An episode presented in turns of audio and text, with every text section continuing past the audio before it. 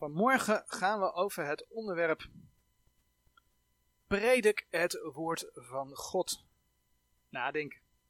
Gaan we bij stilstaan. Predik het woord van God. Als christen ben je gewend om naar prediking te luisteren. Althans, zo zou het wel moeten zijn. Maar nu maakt het nogal een verschil waar je naar prediking luistert. Bijvoorbeeld als je gaat naar een gemeente die voortkomt uit een gemeentegroeibeweging. Die gemeentegroeibeweging is er alweer even. Die bestaat al heel wat jaren. En ik moet eerlijk zeggen dat ik de ontwikkelingen eigenlijk niet heel erg bijgehouden heb. Hoe dat allemaal precies verlopen is. Wat ik wel weet is dat daar diverse weer nieuwe varianten uit voortgekomen zijn. Eh, er zijn ook sommige uit die groep die nog bestaan. Als ik denk aan Hour of Power. Het is toen de tijd een keer opgekomen. Maar er zijn ook moderne varianten van. En vaak zijn ze op de een of andere manier ook verweven met de charismatische beweging, die heel erg op gevoel, die heel erg op ervaring gericht is. Nou, wat zie je vaak gebeuren? Er wordt heel veel gezongen. Er wordt heel veel gezongen. Er is een korte prediking. Een korte prediking die in min of meerdere mate gevormd wordt door praten over ervaringen, door praten over gevoel. En wat zeker ook in die gemeentegroeibeweging speelt is dat ze heel veel psychologische positieve peppraatjes hebben. En ja, wat daar niet in past is praten over zonde, praten over hel. Want dat is niet positief. Dus het maakt heel veel uit of je dus in die gemeentegroeibeweging zit, of dat je bijvoorbeeld in een bijbelgelovige gemeente komt, waar de verkondiging van het woord van God centraal staat. Ja, daar wordt ook gezongen, maar de prediking van het woord staat centraal waar al de raad Gods verkondigd wordt, zoals Handelingen 20, vers 27 dat zo mooi zegt. Maar dat eerste, die beweging van die gemeentegroeibeweging, dat hebben mensen klaarblijkelijk veel liever. Want als je naar die gemeentes kijkt, dat zijn vaak megakerken. Heel groot. En dat laatste wat ik noemde, waar prediking centraal staat, dat hebben mensen niet zo graag. Ook zie je dat mensen het soms moeilijk vinden als ze aangesproken worden in de prediking. En juist daarom houdt men in die megakerken, eh, houdt men het bij die positieve psychologische praatjes. Want ja, als je een positieve boodschap brengt, dan ga je mensen niet zo gauw op de tenen staan. En zo'n peppraatje, die moet er dan voor zorgen dat ze met een goed gevoel naar huis gaan. Want daar komen ze dan voor samen op zondag. Vooral een goed gevoel krijgen. En daar ga je dan mee naar huis. Maar wat is dat voor een gevoel? Wat is dat voor een gevoel? Maar ook daar waar prediking centraal staat, zie je dat mensen het soms moeilijk vinden als bepaalde onderwerpen naar voren komen. Nou, zijdelings heb ik zo af en toe best al wel opmerkingen gemaakt over prediking. Wat, wat is prediking? Maar ik denk dat het goed is om er vandaag eens een heel thema aan te wijden. Laten we kijken, wat zegt nou de Bijbel over prediking? Allereerst zien we in Gods woord dat er best wel veel nadruk op prediking ligt. Het is niet zo dat we dat in één vers tegenkomen of zo. De Heer Jezus, die gaf aan, onder andere in Marcus 1, vers 38 en 39, dat hij uitgegaan was om te prediken. En dat deed hij in vele plaatsen. De Heer Jezus verzamelde twaalf discipelen om zich heen. En wat deed hij met die discipelen? Die gaf hij de opdracht om uit te gaan en om te prediken. Dat lees je bijvoorbeeld in Marcus 3, vers 14. En alhoewel na het lijden, sterven en de opstanding van de Heer Jezus, na zijn hemelvaart. Alhoewel in Handelingen 6 vers 4 het woordje prediken niet voorkomt, lees je dat bij de start van de gemeente van de Heer Jezus, dat de apostelen zich moesten toeleggen op de bediening des woords. Nou, dan ga je de brieven aan de gemeente lezen en dan kom je regelmatig prediking tegen. Prediking door herders en leraars die tot opbouw van de gemeente is. Efeze 4, vers 11 en 12. Kun je dat bijvoorbeeld lezen. En daar zullen we zo ook nog voorbeelden van zien. Maar allereerst willen we beginnen bij een voorbeeld in het Oude Testament. En dat voorbeeld in het Oude Testament, dat vinden we in Nehemia 8. Toen het volk Israël na de Babylonische ballingschap terugkeerde, lezen we in Gods woord in het boek Ezra dat zij eerst de tempel herbouwden. Daarna lezen we in Nehemia dat zij de muren van Jeruzalem herbouwden. En het geheel gebeurde onder veel strijd. Strijd van buitenaf, Samaritanen die het werk probeerden te dwarsbomen, tegen te houden, maar ook strijd van binnenuit. En van binnenuit omdat het volk ja, niet naar de wet leefde, zich niet aan Gods woord hield. En het mooie is, als je dan Ezra en Nehemia gaat lezen, dan zie je hoe God leidde dat het volk terugkwam, maar ook hoe daar een opwekking ontstond. Omdat dat volk op een gegeven moment ging vragen naar het woord van God. En ze gingen er niet alleen naar vragen, maar ze luisterden er ook naar. En dan niet alleen zo van ene oor in, andere oor uit, maar ze deden er ook iets mee in hun leven. Nou, en daaruit willen we een klein stukje lezen. En dat vinden we dan in Nehemia 8, de eerste tien versen. Als nu de zevende maand aankwam en de kinderen Israëls in hun steden waren, zo verzamelde zich al het volk als een enig man op de straat voor de waterpoort. En zij zeiden tot Ezra de schriftgeleerde dat hij het boek der wet van Mozes zou halen, die de Heere Israël geboden had. En Ezra de priester bracht de wet voor de gemeente bij de mannen en vrouwen en alle die verstandig waren om te horen op de eerste dag der zevende maand. En hij las daarin voor de straat die voor de waterpoort is, van het morgenlicht aan tot op de middag, voor de mannen en vrouwen en de verstandigen, en de oren des ganse volks waren naar het wetboek. En Ezra, de schriftgeleerde, stond op een hoge houten stoel, die zij tot die zaak gemaakt hadden. En nevens hem stond Matitja en Zema en Anaya en Uria Hilkia en Maasea aan zijn rechterhand. En aan zijn linkerhand Bedaja en Misael en Malchia en Hasum en Hasbadana, Zacharia en Mesula. En Ezra opende het boek voor de ogen des ganse volks, want hij was boven al het volk. En als hij het opende, stond al het volk. En Ezra loofde de Heere, de grote God. En al het volk antwoordde Amen, Amen, met opheffing hunner handen. En zij neigden zich en aanbaden de Heere met de aangezichten ter aarde. Yeshua nu, en Bani en Serepja, Jamin en Akub, Sabbatai, Hodia, Maasea, Kelita, Azaria, Jozabat, Hanan, Pelaja en de Levieten onderwezen het volk in de wet. En het volk stond op zijn standplaats. En zij lazen in het boek, in de wet Gods duidelijk. En zin verklarende, zo maakten zij dat men het verstond in het lezen. En Nehemia, dezelfde is Hartersata, en Ezra de priester, de schriftgeleerde, en de levieten die het volk onderwezen, zeiden tot al het volk, deze dag is de Heere uw God heilig. Bedrijf dan geen rouw en weent niet, want al het volk weende, als zij de woorden der wet hoorden. Tot zover dit schriftgedeelte. Alhoewel de context hier duidelijk het Oude Testament is, hè? het Oude Testament onder de wet. We lezen over de priesters, we lezen over de levieten. Kunnen we hier dingen uit leren? Het gaat hier over preken. En we zien hier reeds in het Oude Testament wat preken is. In Nehemia 8, vers 9 hebben we gelezen. En zij lazen in het boek in de wet Gods duidelijk en de zin verklarende.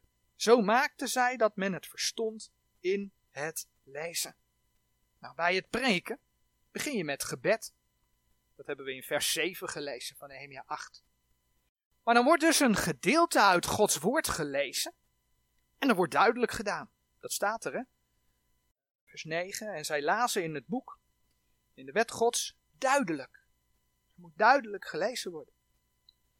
Vervolgens wordt het uitgelegd. We lezen het stukje en de zin verklarende. Het wordt uitgelegd, het wordt verklaard. Zodat mensen begrijpen wat ze lezen. Zodat mensen het verstaan. En dan zien we hier in Nehemia hoe daar de tijd voor genomen werd. Want in Nehemia 8 vers 4 hebben we gelezen dat men dat deed van het morgenlicht aan tot op de middag. Dat is geen tien minuten. Dat is ook geen kwartier. Dat is zelfs geen half uur of een uur. Ook niet. Nou, als je dan bedenkt dat wij met dat laatste vaak al moeite hebben, dan gaat het hier over een aantal uur. Een aantal uur. En ja, dat komen we niet alleen in het Oude Testament tegen. Ik denk dat we de geschiedenis van Aitiges wel kennen. Aitiges, Handelingen 20, vers 7 tot en met 12. Paulus spreekte. Ze kwamen samen om de maaltijd te delen en Paulus spreekte tot aan middernacht. En toen viel Eutychus uit het raam. Toen was hij slaapgevallen. Dat was een beetje te lang.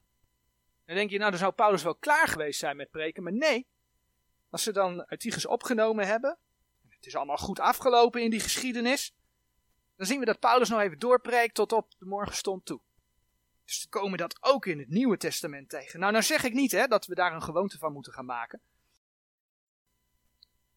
Maar misschien is het wel goed om in ons achterhoofd te houden. Dat als je na 40 minuten denkt, is die preek nou nog niet afgelopen? Dat het heel bijbels is, of beter gezegd dat het Gods wil is dat mensen samenkomen en er de tijd voor nemen, de tijd voor nemen om naar de verkondiging van zijn woorden te luisteren. Maar wat is dan het doel daarvan? Wat is het doel van prediking? Is dat om vermaakt te worden? We gaan naar de kerk, we hebben een grote band en die speelt lekker en dan worden we vermaakt. Is dat het doel? Is het om met een positief gevoel weggestuurd te worden? En dan komt het leven van alle dag en weg is het positieve gevoel. En misschien ook wel niet, misschien heb je die dag een groot feest, dan wordt het positieve gevoel even verder opgepept. Maar is het dat? Dan is het leeg. Om de woorden van de prediker te gebruiken, dan hebben we te maken met ijdelheid. Je gevoel wordt opgepept. Maar het heeft verder nergens basis. Nou, het feit dat mensen elkaar naar de mond praten. Hè, positieve psychologische peppraatjes. Het feit dat mensen elkaar naar de mond praten om maar niet op de tenen te gaan staan. Of, dat kom je ook tegen. Als er wel gepreekt wordt, maar dat mensen er niets mee doen. Ene oor in, andere oor uit. Dat is niet nieuw. Dat kwam je ook bij het volk Israël al tegen. En we gaan een voorbeeld lezen in Ezekiel. Ezekiel 33. Ezekiel 33 vanaf vers 30. Daar wordt er tegen Israël gezegd over haar houding ten opzichte van Gods profeten. Wat we nu gaan lezen. En gij, o mensenkind, de kinderen uws volks, die spreken steeds van u bij de wanden en in de deuren der huizen. En de een spreekt met de ander en iegelijk met zijn broeder, zeggende, komt toch en hoort wat het woord zij dat van de Heere voortkomt. En zij komen tot u, gelijk het volk pleegt te komen, en zitten voor uw aangezicht als mijn volk, en horen uw woorden, maar zij doen ze niet. Want zij maken liefkozingen met hun mond, maar hun hart wandelt hun gierigheid na. En zie, gij zijt hun als een lied der minne, als een die schoon van stem is, of die wel speelt. Daarom horen zij uw woorden, maar zij doen ze niet. Maar als dat komt, zie het zal komen, dan zullen zij weten dat er een profeet in het midden van hen geweest is. Nou, dit is dus een voorbeeld waar wel gepreekt wordt. Het gaat hier over een profeet van God, maar waar mensen er niets mee doen. Het is een grote show voor ze.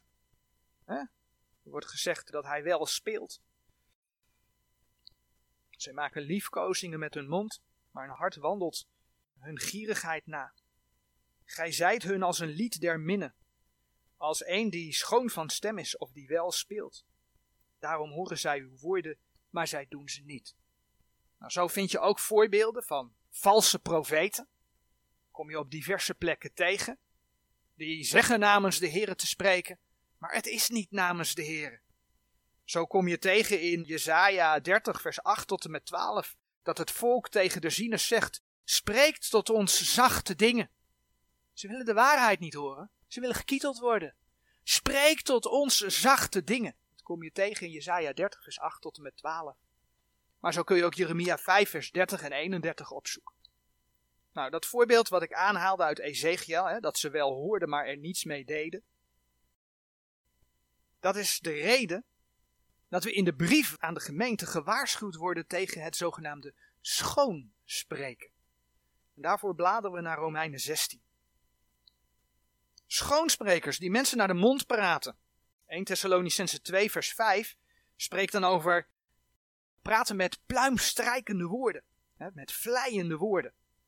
Nou, 1 Thessalonicense 2 vers 5 zoeken we niet op, maar Romeinen 16 wel en dan vers 17 en 18. Romeinen 16 vers 17 en 18. En ik bid u, broeders, neemt acht op degene die tweedracht en ergernissen aanrichten tegen de leer die gij van ons geleerd hebt, en wijkt af van dezelfde. Want de zulke dienen onze Heer Jezus Christus niet, maar hun buik, en verleiden door schoonspreken en prijzen de harten der eenvoudigen. Als je denkt aan die megakerk, met hun korte psychologische positieve boodschap. Mega veel mensen die doneren aan de kerk. Daar kan een riant inkomen vanaf. Dus zij dienen hun buik. Dat is wat we net gelezen hebben in Romeinen 16. Ze zijn niet gericht op het doorgeven van Gods boodschap. Op het doorgeven van Gods woorden, maar op het verdienen van een inkomen. En dat is dus waar de Heere tegen waarschuwt. Want het hoort in de verkondiging niet om de prediker te gaan. 2 Korinthe 4 vers 5 spreekt daar ook over. Maar het hoort in de verkondiging om Gods woorden te gaan. Dus het doel van de prediking is niet schoonspreken. Het doel van de prediking is niet om mensen naar de mond te gaan praten. Voor wat het doel van de prediking wel is, gaan we naar 2 Timotheus 4 toe. 2 Timotheus, hoofdstuk 4, vers 2 tot en met 4. 2 Timotheus 4, vers 2. Predik het woord. Houd aan tijdiglijk, ontijdiglijk. Wederleg. Bestraf. Vermaan in alle langmoedigheid en leer. Want er zal een tijd zijn wanneer zij de gezonde leer niet zullen verdragen. Maar ketelachtig zijnde van gehoor zullen zij zichzelf leraars opgaderen naar hun eigen begeerlijkheden. En zullen hun gehoor van de waarheid afwenden en zullen zich keren tot fabelen. Allereerst lezen we in deze verse, predik het woord. Dus niet preken op basis van ervaringen. Dus niet preken op basis van gevoelens. Geen psychologische positieve petpraatjes voor de eigen begeerlijkheden. Geen fabels. Maar heel gewoon predik het woord. En dan, handelingen 20 vers 27, al de raad Gods. Dan lezen we dat dat prediken moet, houdt aan tijdiglijk, ontijdiglijk. Het staat in 2 Timotheus 4 vers 2. Als we straat breken, dan wordt er nog wel eens gezegd, konden we maar vrucht zien. En natuurlijk is dat een mooi verlangen. En daar mogen we voor bidden. Dat mag. Maar de Heere zegt, doe het tijdiglijk, ontijdiglijk. Of je nu resultaat ziet of niet. Doe het gewoon. Predik het woord. Of mensen het nu graag willen of niet. Predik het woord. Of je er nu toe geïnspireerd voelt of niet. Zet je ervoor in. Om zijn woord door te geven. Toegepast op het. Dit was op straatpreken toegepast. Toegepast op andere dingen. Is de prediking er? Voel je je die dag geïnspireerd of niet? Ga, want de Heere vraagt om te gaan. Om de onderlinge bijeenkomst niet te verzuimen. Tijdiglijk, ontijdiglijk. En dat geldt dus ook voor de prediking in de gemeente. Het woord van God moet gebracht worden. Ja, ook als er een onderwerp kan zijn dat bijvoorbeeld gevoelig kan liggen. En dat blijkt uit 2 Timotheus 4 vers 2, wat na tijdiglijk en ontijdiglijk komt. Wat daar geschreven staat. Daar staat namelijk, wederleg, bestraf, vermaan in alle langmoedigheid en leer. Dus er wordt van de prediker verwacht dat hij langmoedigheid heeft, dat hij geduld heeft, om in de leer te wederleggen, te bestraffen en te vermanen. En met name die eerste twee, vermanen kan ook lastig zijn, met name die eerste twee, wederleggen en bestraffen, ja, dat is in eerste instantie natuurlijk niet leuk. Ik bedoel, wederleggen heeft te maken met het uitleggen van iets wat anders is iemand ziet iets op een bepaalde manier en wordt gecorrigeerd. Dat is wederleggen, weerleggen. Bestraffen gaat natuurlijk veel verder dan wederleggen. Want bij bestraffen heb je het erover dat het dus zelfs kan gebeuren dat je tegen iemand moet zeggen: en hier stopt het en niet verder. Want het is fout wat je doet. Dat is bestraffen. Titus 1 vers 13 geeft daar een voorbeeld over. Dat dwaalleraars scherpelijk bestraft moeten worden opdat zij gezond mogen zijn in het geloof. Dat is een voorbeeld daarvan. Maar dit staat in de context van prediking, dus daar is prediking voor. Prediking is om dit soort dingen naar voren te brengen. In het begin noemde ik de situatie dat mensen zich soms aangesproken voelen door prediking. Maar prediking is juist bedoeld dat als er dingen zijn, om dat op basis van Gods woord uit te werken en daar uitleg over te geven. Dit zegt Gods woord. Nee, niet om mensen bij namen te noemen en ze er doorheen te halen, dan ben je verkeerd bezig. Dat kan niet. Maar wel over situaties. Dit zegt Gods woord. En te zien wat Gods woord zegt daarover. Soms breng je een boodschap en ben je daar helemaal niet van bewust. Maar dan blijkt dat iemand zich aangesproken voelt. Omdat het geen besproken is op hem of haar betrekking heeft. Weet je als prediker, weet je als voorganger soms helemaal niet.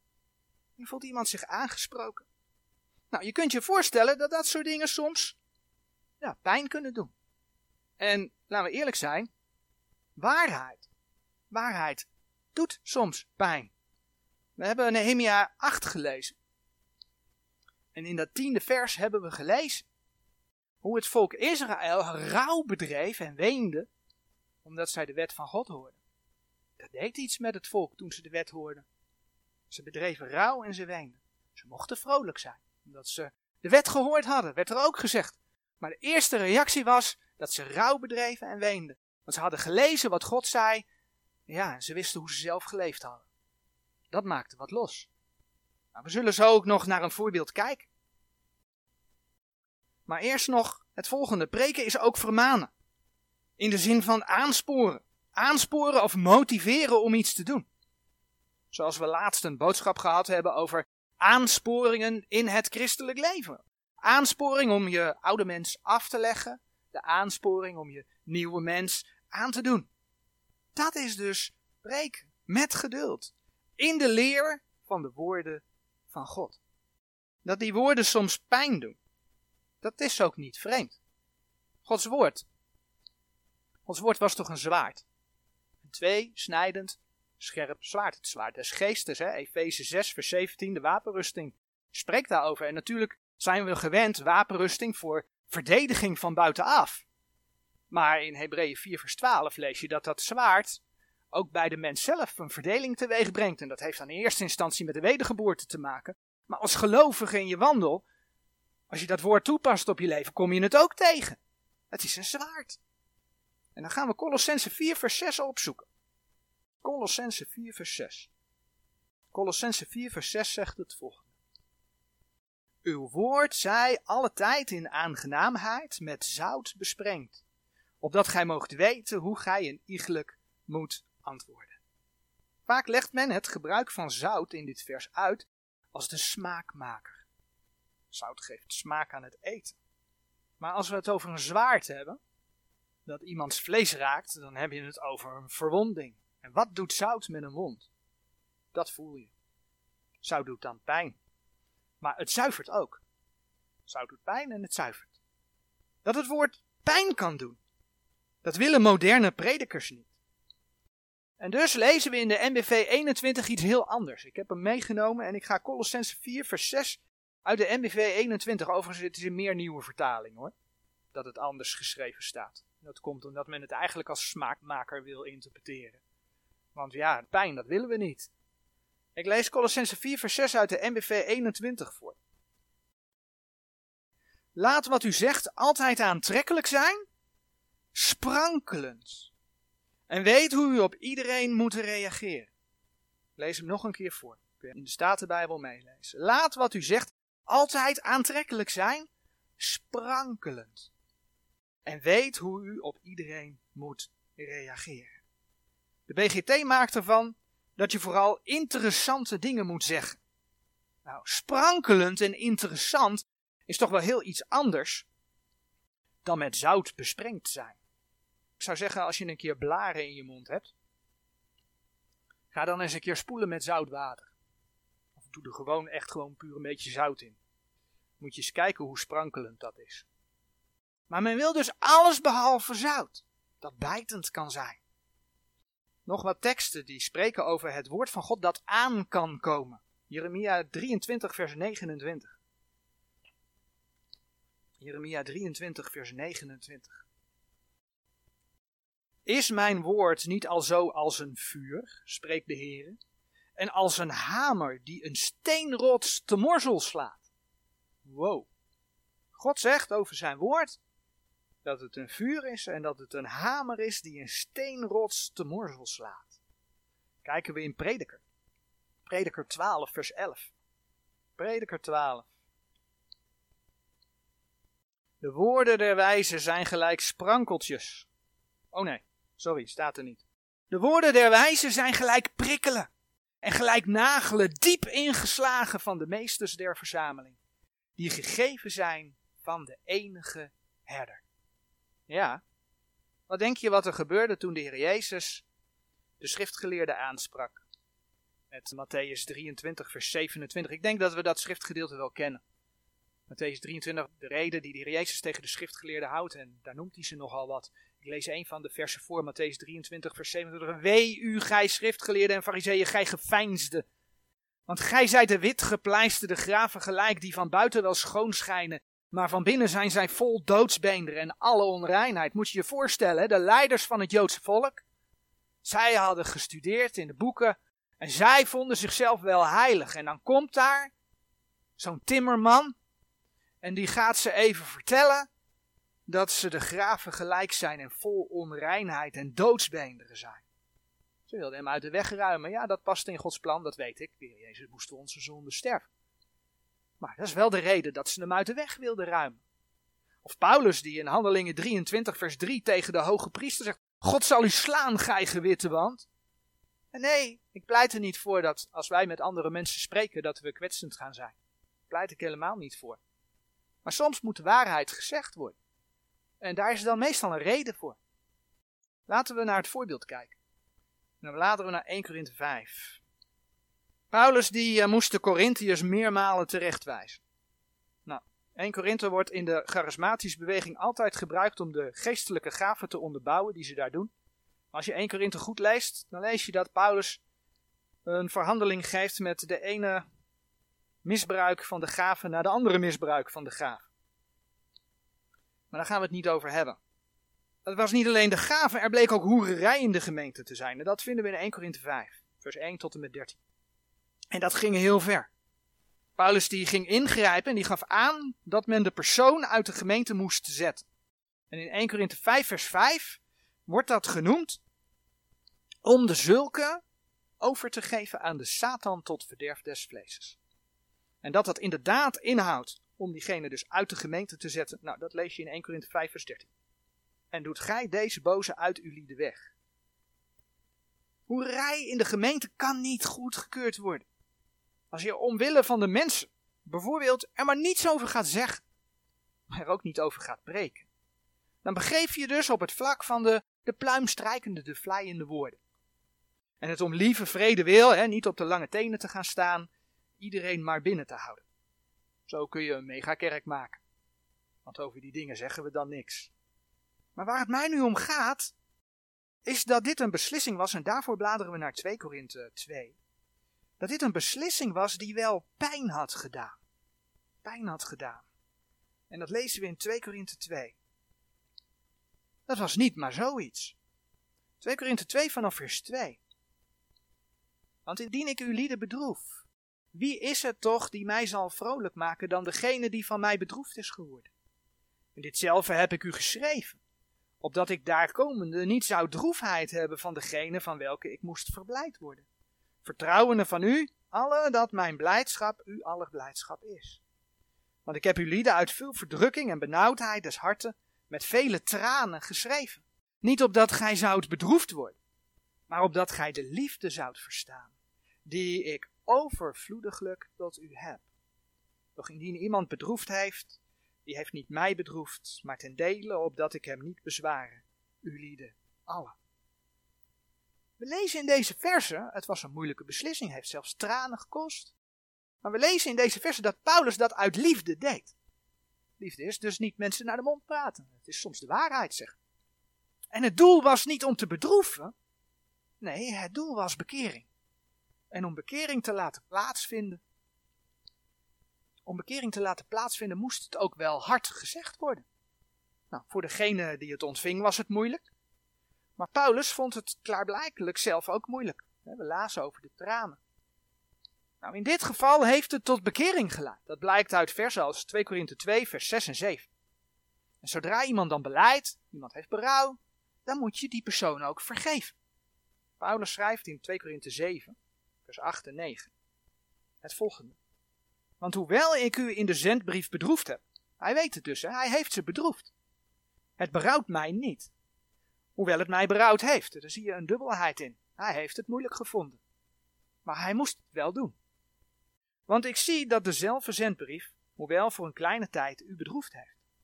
Nu verblijd ik mij, niet omdat gij bedroefd zijt geweest, maar omdat gij bedroefd zijt geweest tot bekering. Want gij zijt bedroefd geweest naar God, zodat gij in geen ding schade van ons geleden hebt. Deze persoon is bestraft. Deze persoon is tot bekering gekomen. Nou, als iemand bestraft wordt, is het natuurlijk niet vanzelfsprekend dat er iemand tot bekering komt. Dat is afhankelijk van hoe zo iemand daarop reageert. Maar als de waarheid niet gezegd was, was deze persoon misschien nooit tot bekering gekomen. Sterker nog, dan was hij in de gemeente gebleven en had het zich verder verspreid. Het doel is dus een stukje bescherming. Bescherming van de gemeente. Het doel is dus bekering. Als iemand de waarheid weet, kan die naar de waarheid handelen. Als je hem de waarheid niet vertelt, of haar de waarheid niet vertelt, kan die er ook niet naar handelen. En dat geldt op straat, in straatprediking, voor de ongelovigen, maar dat geldt net zo goed binnen de gemeente voor de gelovigen in de levenswandel. heeft niks met behoud en zo te maken, want als kind van God ben je behouden, maar wel met de levenswandel. Het aandoen van het nieuwe leven. Ja, dat geldt dus voor de prediking. Wanneer het woord van God iets pijnlijks raakt bij iemand, hoe ga je daar dan mee om? kan op verschillende manieren. Word je boos? Boos op de prediker, boos op de voorganger. Kom je in opstand? Of ga je in jezelf keren? Ga je in gebed, breng je het bij de Heer om jezelf te onderzoeken. Want dat is de weg. En op dat moment dat je dat gaat doen, ga je ook groeien in je geloof. Dan ga je groeien in je geloof. Ik ga een vraag stellen. Bid je voor de verkondiging? Bid je dat de voorganger een boodschap krijgt? Uit Gods woord om door te geven. Als je daar gericht voor gaat bidden, moet je er op een gegeven moment niet versteld voor staan. Ja, dat er op een gegeven moment dingen in de prediking zitten die moeilijk kunnen zijn. En ja, dat er lastige dingen geraakt worden. Bedoel, als kinderen groeien, gewoon natuurlijk proces, als kinderen groeien, dan hebben ze soms last van groeipijn. Nou, dat is op het geestelijk vlak net zo. En weet je, als er dan iets is wat je voorheen niet wist, wist je niet dat dat zo was. Dat kan gebeuren. En je komt erachter dat Gods woord het wel laat zien. Wat doe je dan? Dan ga je in gebed tot de Heer en dan zeg je, Heer, 1 Johannes 1 vers 9, ik beleid het, ik heb dat fout gedaan. Ik beleid het, Heer. Help mij om het anders te doen. Vergeef mij en help mij om, om uw weg te gaan. Weet je, dan leidt prediking, dan leidt wederlegging, dan leidt bestraffing, dan leidt vermaning.